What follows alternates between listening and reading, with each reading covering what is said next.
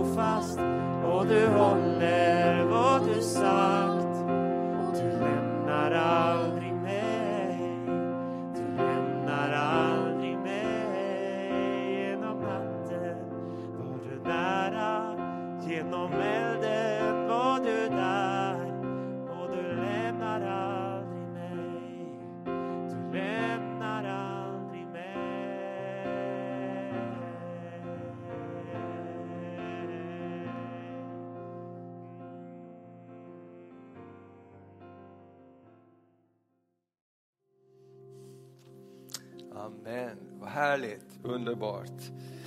Tänk vilka annorlunda tider det är när man ska samla in en gåva eller kollekt. Så går det bara på ett swish eller det, det är så annorlunda tider. Men allting förändras, men en som inte förändras det är Gud. Och det är underbart. Så tack ska du ha för din gåva och generositet också, att vi får stå tillsammans i det här miraklet som vi får vara i. Faktiskt, jag brukar tänka på det när jag går upp här, det är väldigt ett mirakel att vi får ha den här platsen, att Gud har gett oss den här platsen, och att vi får fira gudstjänst här. Och, Många människor får möta honom och vi är så glada över förra helgen. Tänk vad det ser annorlunda ut. Då var det fullt med folk som stod här och prisade Gud och instrument och allt möjligt. Och då är det lite enklare, för vi håller på med ombyggnaderna här också. Men det var flera stycken som fick ta emot Jesus förra helgen och jag tror det var fyra stycken som vi bad till Jesus med och vissa har gått här en längre tid och andra kortare och som bara ville ta emot Jesus i sitt hjärta. Ska vi bara ge en stor applåd till Herren för det? Amen. Amen. Så härligt. Och vi ska också ha dop här framöver. Eh, Livia här, hon skulle varit med i dopet men hon var förkyld då så då ska vi ta det framöver. Är det någon till som vill bli döpt och det är vi glada över. Och eh, Camilla här som blev döpt och Oskar också. Eh, Nordin, han kunde inte vara med idag, han var förkyld, blev också döpt här för några veckor sedan. Och vi är så tacksamma till alla som får möta Jesus och, och får ta olika steg på vandringen med honom. Det betyder så mycket och vi växer i vår tro. Och ibland går det fortare och ibland så, så tar det längre tid, men vi är planterade någonstans och när man är planterad så, så växer det och allting växer inte så där utan det växer eftersom och, och, och eh, bär frukt. Och idag så tänkte jag eh, att vi ska läsa Guds ord ganska mycket och stanna i berättelserna som handlar om den här tiden vi är i.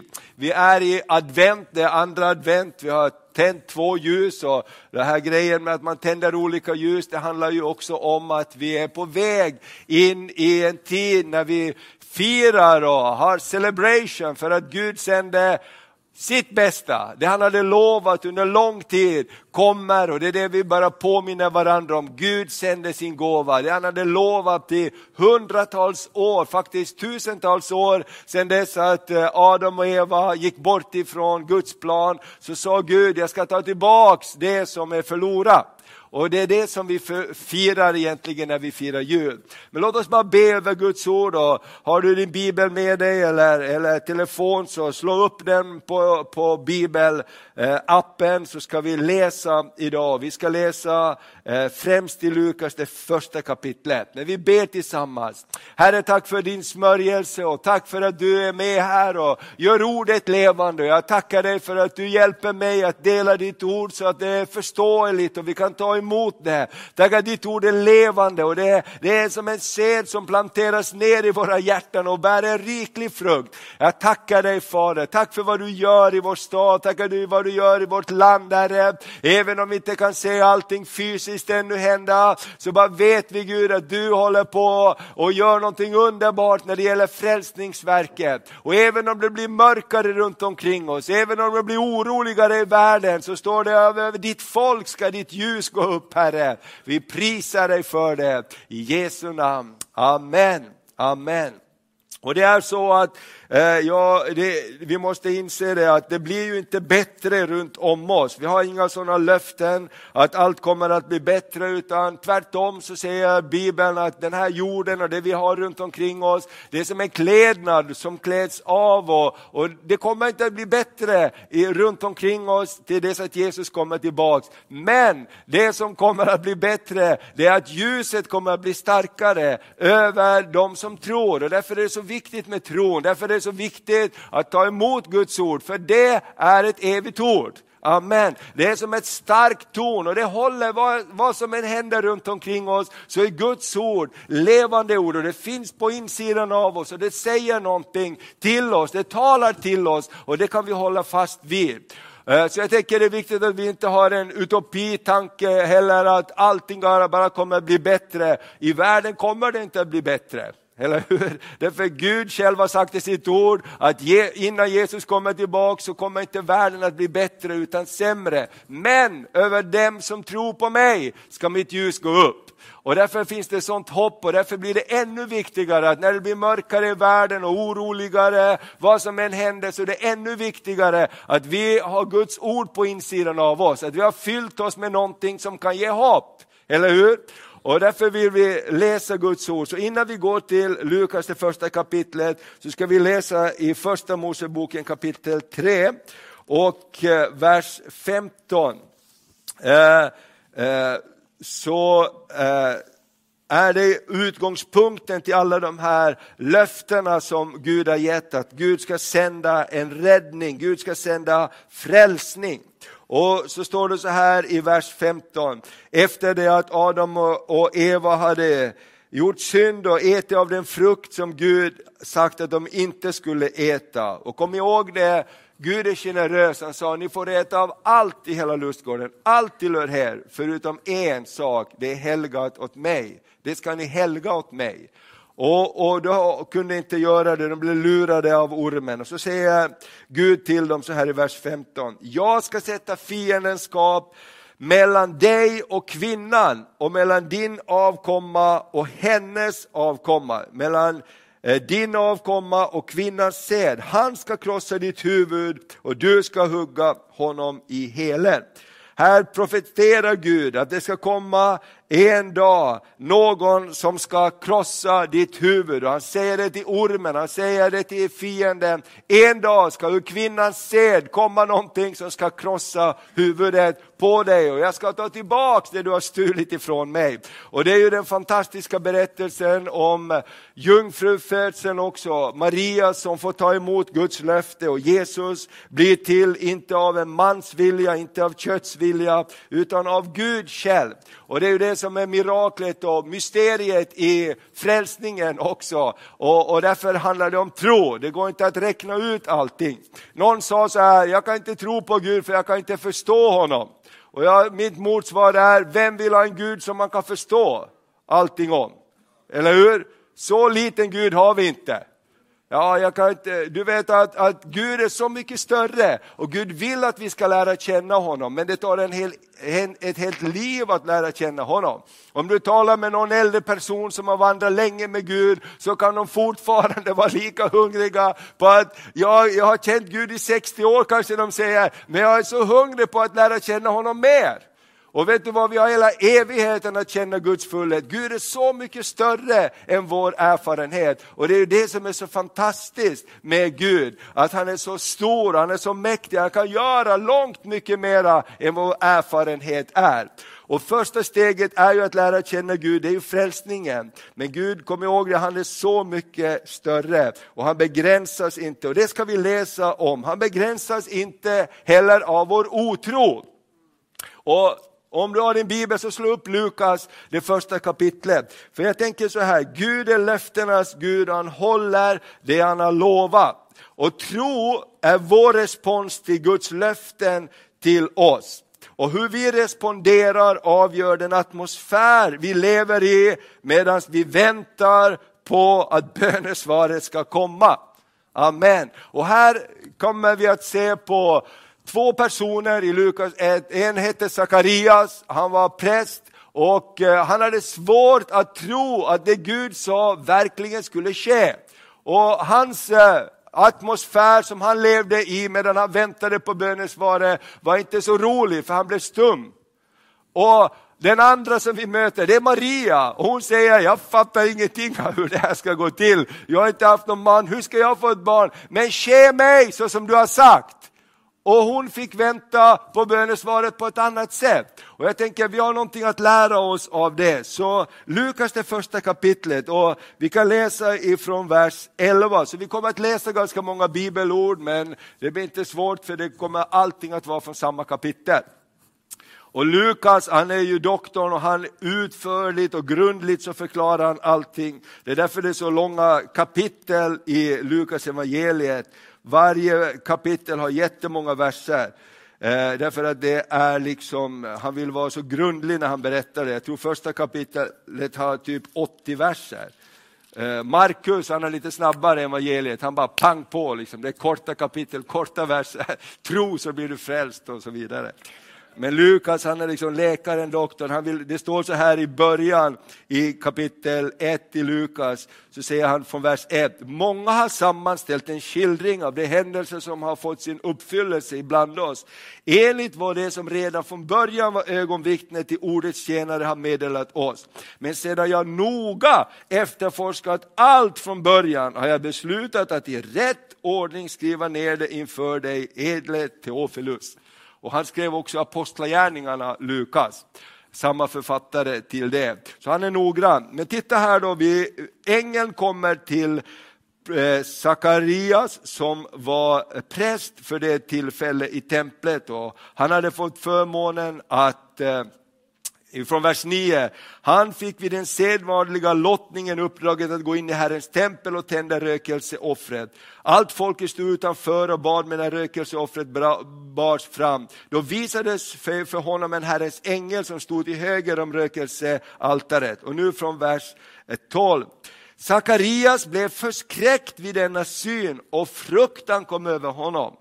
Därför att det stod en stor ängel mitt i allt det här.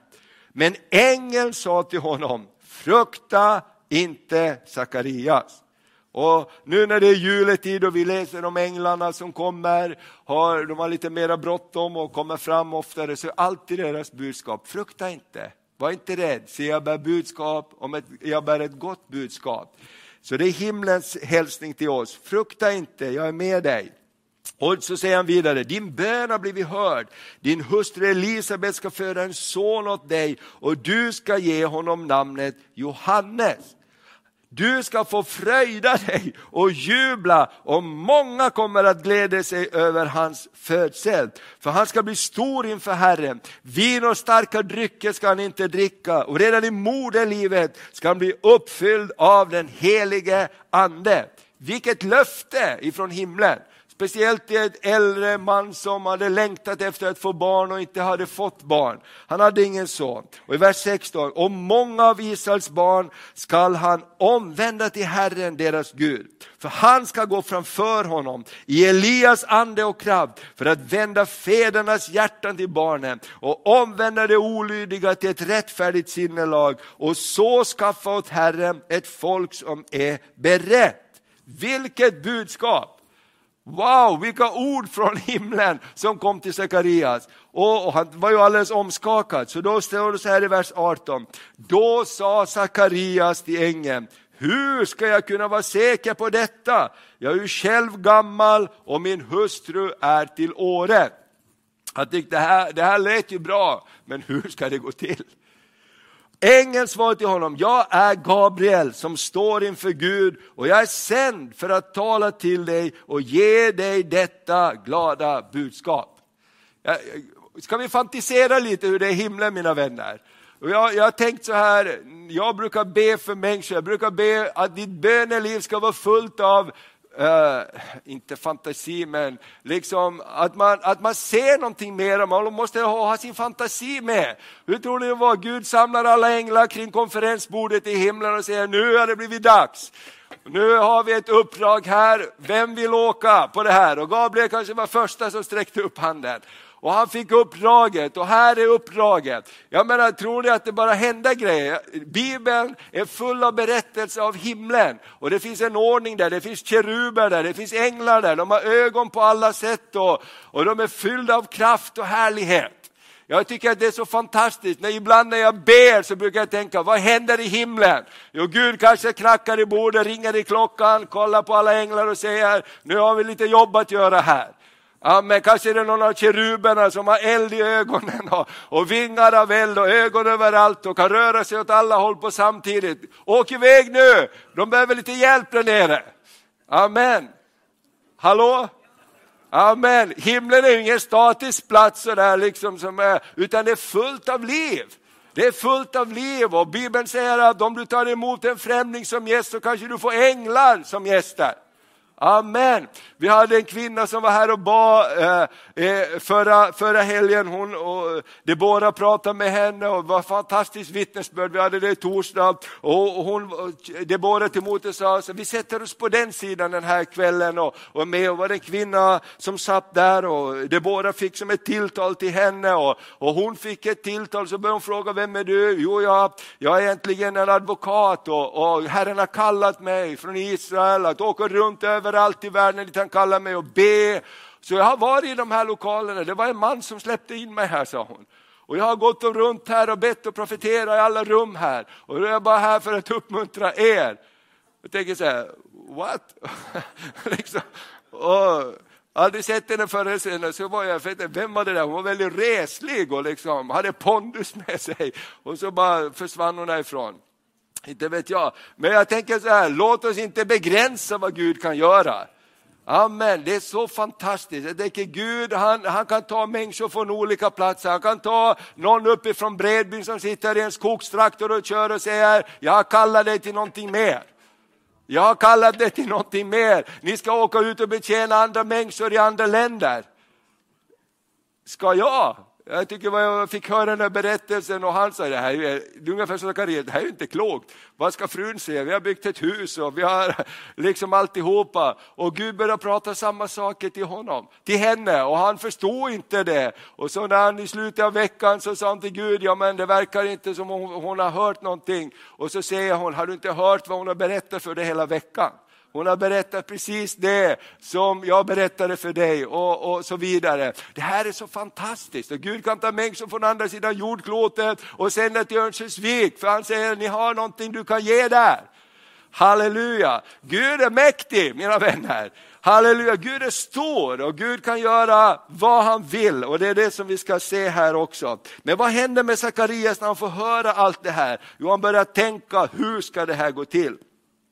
Och då säger han så här i vers 19 igen, ängeln svarar till honom, jag är Gabriel, Amen, som står inför Gud. Det var där vi stoppade med fantasin lite. Så ska vi ha lite mera fantasi när vi ber också? Halleluja, vi hade den här Bill Löbom, vissa kommer ihåg honom, han var en evangelist som kom, profet som kom på besök här ibland. Och jag körde honom en gång till flyget och så bad vi i bilen. Och så sa han, han var så här, målande, sa han, ja, nu, och vi binder, sa han, nu ber vi att resan ska gå bra. Herre, vi binder de här älgarna. Herre, tack att du binder dem med hornen i något träd där på sidan så de inte springer ut på vägen när vi kör fram. Sen kan du lösa dem, sa han. Jag tänkte, what? Vilken härlig bön!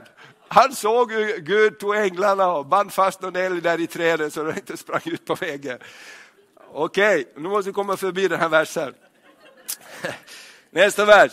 Och se, så sa han, eh, stå inför Gud, och jag är sänd för dig att tala till dig och ge dig detta glada budskap. Och i vers 20, och se, du skall bli stum och inte kunna tala för det, den dag detta sker, därför att du inte trodde mina ord som skall gå i uppfyllelse när tiden är inne.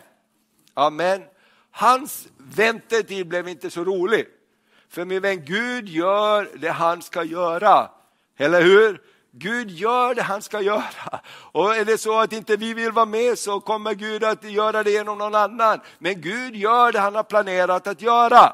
Och, och, och, och Sakarias blev stum och det var det jag tänkte när jag läste det. Jag vill inte vara stum och vänta på att det Gud har lovat ska ske. Och så står det vidare så här att eh, han, han, eh, alla blev förundrade, han var stum när han kom ut och så vidare. Men sen fortsätter kapitlet.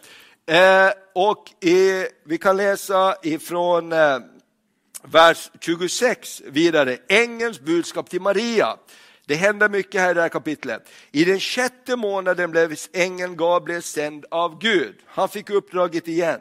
Till en jungfru i staden Nasaret i Galileen. Hon var trolovad med en man som hette Josef och var av Davids släkt. Och jungfruns namn var Maria.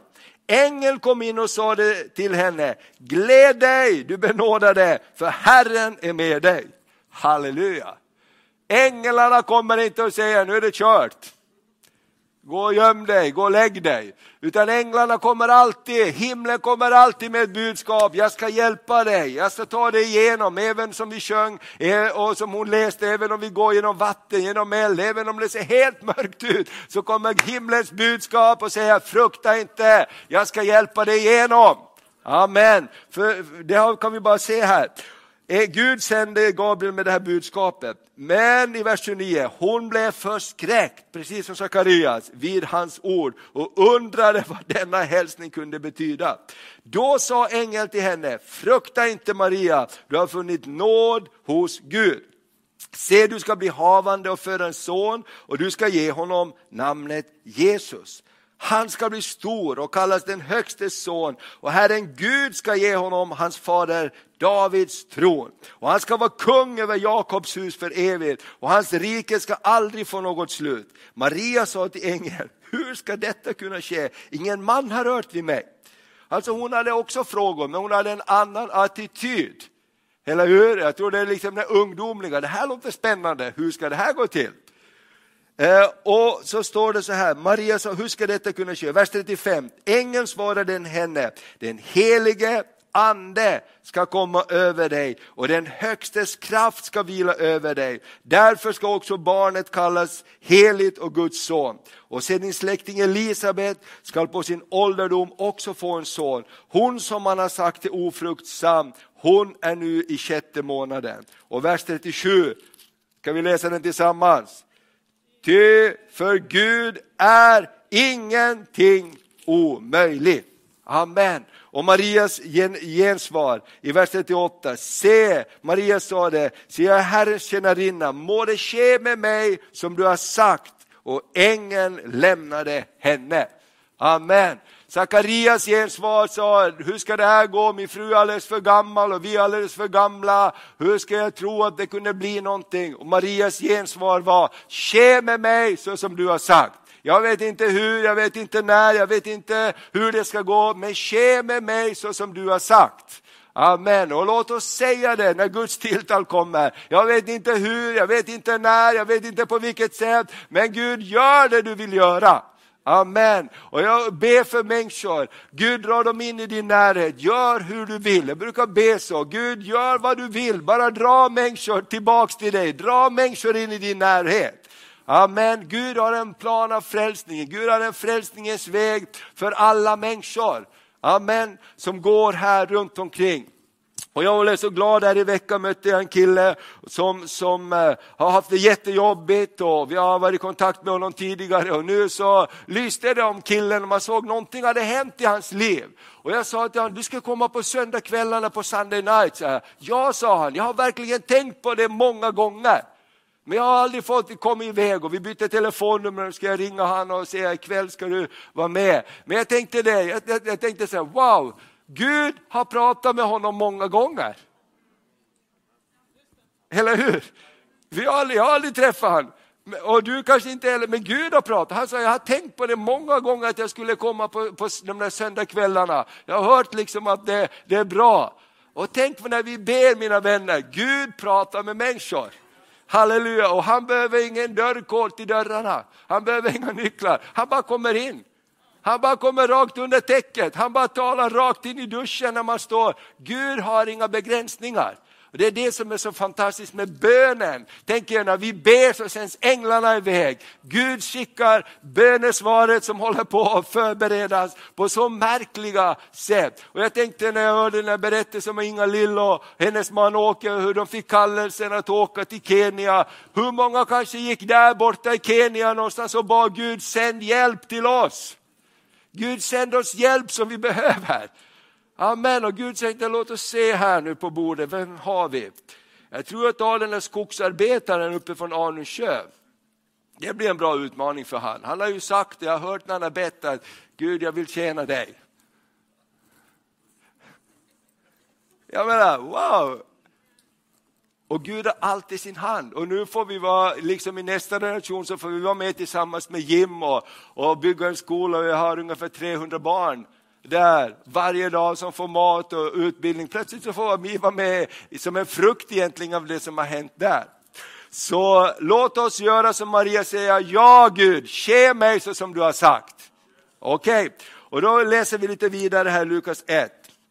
Eh, och, och, Marias lovsång, den är helt underbar. Vi kan eh, hoppa över, Maria skyndar till Elisabet och där så sprätter barnet till och, uh, i hennes moderliv och Johannes är den första, fast han är bara sex månader i magen, som känner till att Jesus är på gång, hans kusin. Och fast det var så tidigt så står det att det sprätt till och hon blir fylld av den heliga ande, precis som ängeln hade sagt. Och då så Eh, I vers 45 så står det att Elisabet säger, salig är du som trodde, för det som Herren har sagt till dig ska gå i uppfyllelse. Och så Marias lovsång i vers 46. Då sa Maria, min själ prisar Herren och min ande gläder sig i Gud, min frälsning. Och här tänkte jag så här, min själ prisar Herren. Och jag studerar lite det här med vår själ, det är ju liksom vårt inre, vårt eget Eh, be, beslut någonstans. Min själ, David säger ofta till sig själv i Psaltarpsalmerna, varför är du så orolig min själ? Prisa Herren! Varför är du så orolig min själ? Lova Gud, han ska hjälpa dig. Och jag tänker, Maria står det så här, att hon prisar Herren, min själ prisar Herren. Alltså hennes känslor, emotionell Eh, hon var uppfylld av glädje, min själ prisar Herren. Det är därför jag tror att vi ska vara frimodiga också. Och ibland behöver vi bestämma oss för att höja volymen där hemma. Ibland behöver vi bestämma oss för att prisa Gud. Det kanske inte känns så roligt alltid, det kanske inte känns som att nu är jag väldigt exalterad. Min vän, du har fått en bandspelare, tänkte säga, men det har du inte fått. Du har musikspelare där hemma bandspelare, så jag rullar som går. Det var länge sedan. Men du har fått musikspelare där hemma. Du kan sätta på lovsångsmusik, det är en perfekt startmotor. Amen, och börja be och prisa Gud och så förändras atmosfären. Maria sa, min själ prisar Gud. Halleluja, ibland så kan vi bli överlyckliga när vi prisar Gud och låt det vara lite uttryck ibland. Eller hur? Det gör ingenting om man ropar halleluja. Ska vi pröva? Ett, två, tre. Halleluja! Visst kändes det bra? Ska vi ta en gång till? Ett, två, tre. Halleluja! Wow! Det har blivit alldeles för tyst i kyrkorna. Eller hur? Och jag tror att det är viktigt att vi låter vår själ vara med också. Amen. Vill vi dansa och hoppa lite så, så gör det. Halleluja! Vår själ ska vara med. Vill du gå runt omkring där hemma och dansa lite till lovsångsmusik, gör ditt kök till en verkstad praise party. Det är mycket roligare så. Amen. Folk tycker att du är konstig i alla fall. Amen. Okej. Okay. Precis Annika. Ja men det är ju faktiskt så. så man kan vara konstig men jätteglad och välsignad och naturlig och allting på samma gång. Amen. Jo, men men gå går ner på hockeyarenan får du se de finaste människorna, plötsligt så vrå, står de och vrålar, eller de är arga på domaren, eller helt överlyckliga att bli mål. Liksom. Vad händer med han? Liksom. Okej? Okay. Så oh, vi har fått en själ och min ande gläder sig i Gud. Och det tänker jag, min ande gläder sig i Gud, min frälsare. Alltså från anden så kommer det ett vittnesbörd. Och jag tänkte på det salighet. Salighet är ju någonting som kommer på insidan. Ja, men det är ju värsta kaos runt mig just nu. Det är värsta kaos, det händer grejer. Men det är så konstigt, det är så lugnt här på insidan. Det är så tryggt på insidan. Det är en inre salighet som kommer från Gud. Och det ska vi vara så måna om och lära oss att känna igen när det, när det är oroligt runt omkring oss. Låt oss höra efter, vad säger den inre rösten? Vad säger, vad säger saligheten på insidan? Hör vi det här ordet, jag är med dig, jag ska hjälpa dig, jag ska bereda en utväg ur det här. Då kan vi ha ett uttryck av salighet på insidan. För det kommer ifrån Gud. Och så fortsätter det så här. Eh, för han har gett sett i sin tjänarinnas ringhet och se härefter ska alla släkten prisa mig salig. För stora ting har den mäktige gjort med mig och heligt är hans namn. Och min vän, kolla på det här Marias lovsång tillbaks. Vad hade hänt med henne? Ingenting egentligen synligt. Det var inte så liksom att hon gick omkring här redan med en stor mage, utan du vet när man är i början av graviditeten, ni som har varit det, jag har ju sett det, men det, det är liksom inte så att det blir med samma, utan det växer lite grann, det rör sig på någonting, men det tar ganska länge innan man märker att det är någonting. Men Maria var så uppfylld av Guds löfte till henne. Jag, jag tycker det är helt otroligt, en ung tjej, man tror att hon var bara en äldre tonåring som hade fått det här löftet av Gud, att hon skulle få vara med och föda världens frälsare. Och så säger hon så här, stor Stora ting har den mäktige gjort med mig och heligt är hans namn. Vad hade han gjort? Jo, gett henne ett löfte. Eller hur? Hon hade bara fått ett löfte. Varför var hon så glad? Därför att Gud hade gett henne ett löfte. Varför kan du och jag vara glada? Därför att Gud har gett oss löften i sitt ord. Och så står det så här, hans barmhärtighet varar från släkte till släkt över den som fruktar honom. Han har utfört väldiga gärningar med sin arm. Han har skingrat dem som har stolta hjärtan och sinnen. Härskare har han störtat från deras troner och ringa män har han upphöjt. Hungriga har han mättat med sitt goda, men rika har han skickat tomhänta bort. Han har tagit an sin tjänare Israel och tänkt på att visa sin barmhärtighet mot Abraham och hans barn till evig tid efter löftet till våra fäder. Sedan stannade Maria omkring tre månader hos Elisabet innan hon vände hem. Men när jag har läst de här texterna så har jag blivit så taggad av det här. De här två olika responserna till Guds tilltal. Sakarias han fick gå tyst och vänta på att bönesvaret skulle komma. Maria hon fick uttrycka sin tro. Och jag tänker så här, låt oss ha lite barnslig tro över löftena Gud har gett oss. Gud, jag fröjdar mig, jag är så glad över de löften du har gett mig. Jag vet att det kommer att bli så, jag har inte sett det än, men jag vet att det kommer att bli så, därför att du har lovat det. Du vet, ett folk som är fyllt av tro är också fyllt av passion. Amen. Och då är man redo att göra någonting, för det lever redan på insidan. Det lever redan på insidan. Och jag tänker så här, när jag var yngre och började predika och, så, och när jag bad, det är därför det här kommer med att, att, också fantisera och se saker, så kunde jag se mig själv predika för massor av människor. Jag kunde se Guds kraft gå ut i människor, jag kunde se vad Gud gjorde. Jag bara såg det när jag bad. Och jag, bad, och jag, och jag vet inte om det var Gud som visade eller var min fantasi som visade. Men jag tyckte det var härligt. Amen, jag såg människor som blev berörda av Guds kraft, jag såg helanden. Amen, och du vet det är mycket roligare då. Halleluja, för då när du kommer i en situation, amen, jag tror Herre, jag tror att du kan göra det, jag tror att du kan göra det. Och det är därför jag predikar med sån iver och alltid för att jag ser så mycket folk, jag ser så många som blir berörda av Gud. Amen. Halleluja, därför Gud är stor, Gud är mäktig och Gud kan göra långt mycket mer. Och jag tror vi har inte sett så mycket än av vad Gud kan göra. Halleluja, vi ska få se människor, den här kvinnan som de båda pratade med, som var här och sa, berätta vad Gud har gjort, hur han fått se döda uppstå till och med. Halleluja, amen. Jag menar Gud kan göra mer. Och jag hörde om en man som var, var en av, av, av de här fantastiska evangelisterna så, som, som bad för en, en, en man som, som eh, det var bara när mötet var slut och de var på väg bort därifrån och så kom, så kom, eh, så kom de med, eh, en förälder kom med ett barn tror jag var som hade dött. Och, och, han hade ingen större tro för det, men han sa, vi bara ber för, för barnet, bara lägg det där, låt det vara där på plattformen under Guds härlighet när vi prisar Gud. Och sen så glömde han bort det, helt enkelt. För, ja, men vad ska du göra? Hur lätt är det liksom? Hallå, mitt barn är dött, kan du fixa det? Det är ju inte så liksom, ja men det fixar vi. Utan Gud, vad ska vi göra? Men låt det vara, låt det vara, under, låt det vara lägg det där, lägg det där på plattformen och under, täck över det så kommer Gud att göra någonting. Sen när de är på väg till flygplatsen så kommer jag ihåg, vad hände? Jag glömde bort det. Jag glömde bort barnet, men vet du vad som hade hänt? Barnet hade fått liv igen. Barnet hade fått liv igen. Han glömde bort det. Måste ta reda på vad hände med barnet. Jag glömde bort att be för det. Och det, det, det hände så mycket. Lugn, barnet har fått liv igen. Och jag tänker så här, Gud kan göra mera än vår erfarenhet. Och jag tänker bara till, att vi är tillgängliga, vi är tillgängliga. Amen. Och du vet att nu ska vi läsa om Sakarias lovsång. För Sakarias, han slutar ju inte otro. Jag tycker den här berättelsen är så bra, därför Gud fortsätter handla med oss.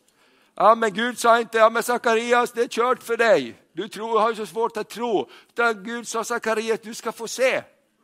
Du får vara med, absolut, du ska få se vad jag kan göra. Och när tiden hade gått så står det att eh, hon födde barnet. Och det står så här att eh, i, i vers 64 att hans mun öppnades och hans tunga löstes, han började prisa Gud. Och, och, och fruktan kom över alla deras grannar och hela Judens bergsbygd talade man det som hade hänt.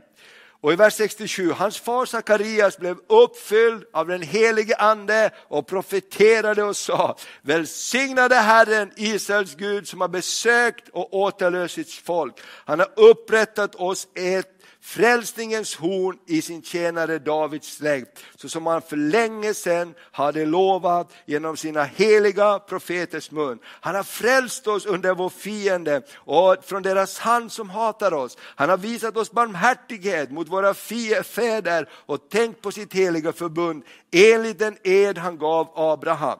Att vi ska vara frälsta ur vår fiendes hand och vi skulle få tjäna Gud utan fruktan i helighet och rättfärdighet under alla våra dagar. Amen. Och så bara prisar han Gud. Och så står det så här eh, i till slut i vers 80. Och barnet växte upp och blev starkare i anden och han vistades i öknen och öde trakter fram till den dag då han skulle träda fram inför Israel. Och allt det där hade Gud i sin hand och vi vet att det tog nästan 30 år innan Johannes trädde fram. För när Jesus kom in i sin kallelse, sin tjänst, då hade ju Johannes börjat döpa strax innan. Så det var inte så att det hände med en gång, det tog 30 år innan Johannes kom in i det som Gud hade talat till Sakarias och Elisabet om. Det tog 30 år för Jesus att komma in i det som Gud hade talat till Maria om. Eller hur? Men under tiden så tänker jag så här, jag tror Sakarias verkligen lärde sig en läxa den där, eh, de där dagarna under de där nio månaderna. jag tror han lovar Gud, spelar ingen roll Gud vad du säger, jag kommer att prisa dig. Spelar ingen roll vad du kommer att säga, jag kommer att säga ske som du har sagt. För jag vill inte vara stum, jag vill kunna prisa och lova och tacka dig. Så mitt budskap den här morgonen, låt oss vara som Maria. Eller hur? När Gud talar till oss, Guds löften till oss. Vi fattar inte hur, vi fattar inte hur det ska gå till. Men låt oss säga Gud, ske med mig så som du har sagt. Amen, jag tror på dina löften, jag tar emot dina löften för jag vill se dem gå i fullbordan för mitt liv. Amen, vill du det? Bra, så ska vi ställa oss upp och så bara prisar vi Gud och ber en liten stund och när Gud talar till dig så gör, säg inte att det är omöjligt, säg inte att hur ska det gå, utan säg Gud bara gör det du vill göra. Amen, gör det du vill göra. Och Bibeln säger att Gud kan göra till och med långt mer än vad vi kan be eller tänka om. Gud kan göra långt mer. Amen. Halleluja, jag tror att Gud vill överraska oss i de här dagarna. Jag tror att Gud vill överraska dig min vän, du som går igenom en tuff tid. Tänk inte att det här är slutet, det här kanske bara början på någonting fantastiskt som kommer att komma. Amen, det står där också att Gud han tar kärvarna, han tar kärvarna, han tar det som inte blev som det skulle bli och han kan forma det i sin hand till någonting annat. Amen. Vi ska be en stund och bara prisa Herren. Och ett annat ord som kom till mig inför, inför den här söndagen också när jag förberedde var, var Petrus. Petrus han var ju så fantastisk och han var på allting och han var lite kaxig till och med ibland kan man tycka. Och han sa till Jesus, om en alla andra sviker dig Jesus så kommer inte jag svika dig. Och kanske du har varit där att du har lovat Gud saker och så har du bara när det har kommit till och bränt till så har du inte fullföljt din del och, och, du känner bara att wow, jag har bara sumpat mina chanser eller sumpat den där chansen till Gud som jag sa till honom. Så börjar jag bara påminna, som Herren talar till mig om, att säg till någon här att precis som när Jesus blev uppväckt från de döda, så sa han så här, hälsa speciellt till Petrus. Hälsa speciellt till Petrus. Och han sa det många gånger och när Petrus och Jesus möttes så frågade Jesus lika många gånger igen, Petrus älskar du mig? Har du mig kär? Han sa inte en enda gång, du sumpade allt. Du lovade men du höll inte vad du lovade. Inte en enda gång sa Jesus det, utan han sa hälsa speciellt till Petrus. Jag älskar honom. Och så frågade han, älskar du mig Petrus? Och tre gånger förnekade Petrus, tre gånger fick han säga, jag älskar dig Jesus.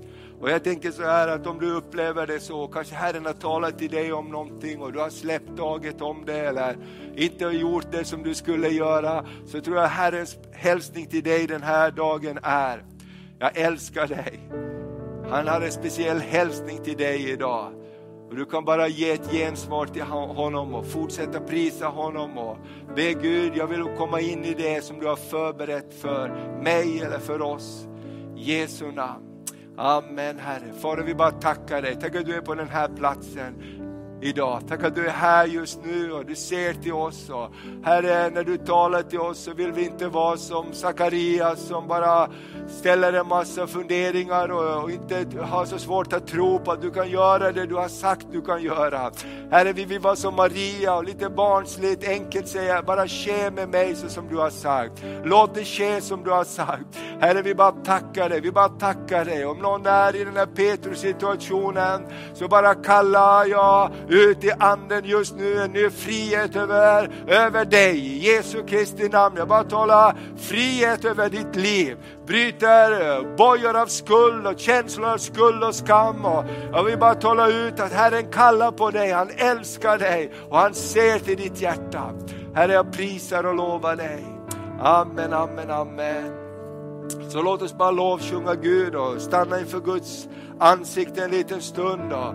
Om du vill ha förbön, om du känner att det här som jag har talat om på slutet här träffade dig och kanske du vill ha en förbön för det så vill vi be tillsammans också idag.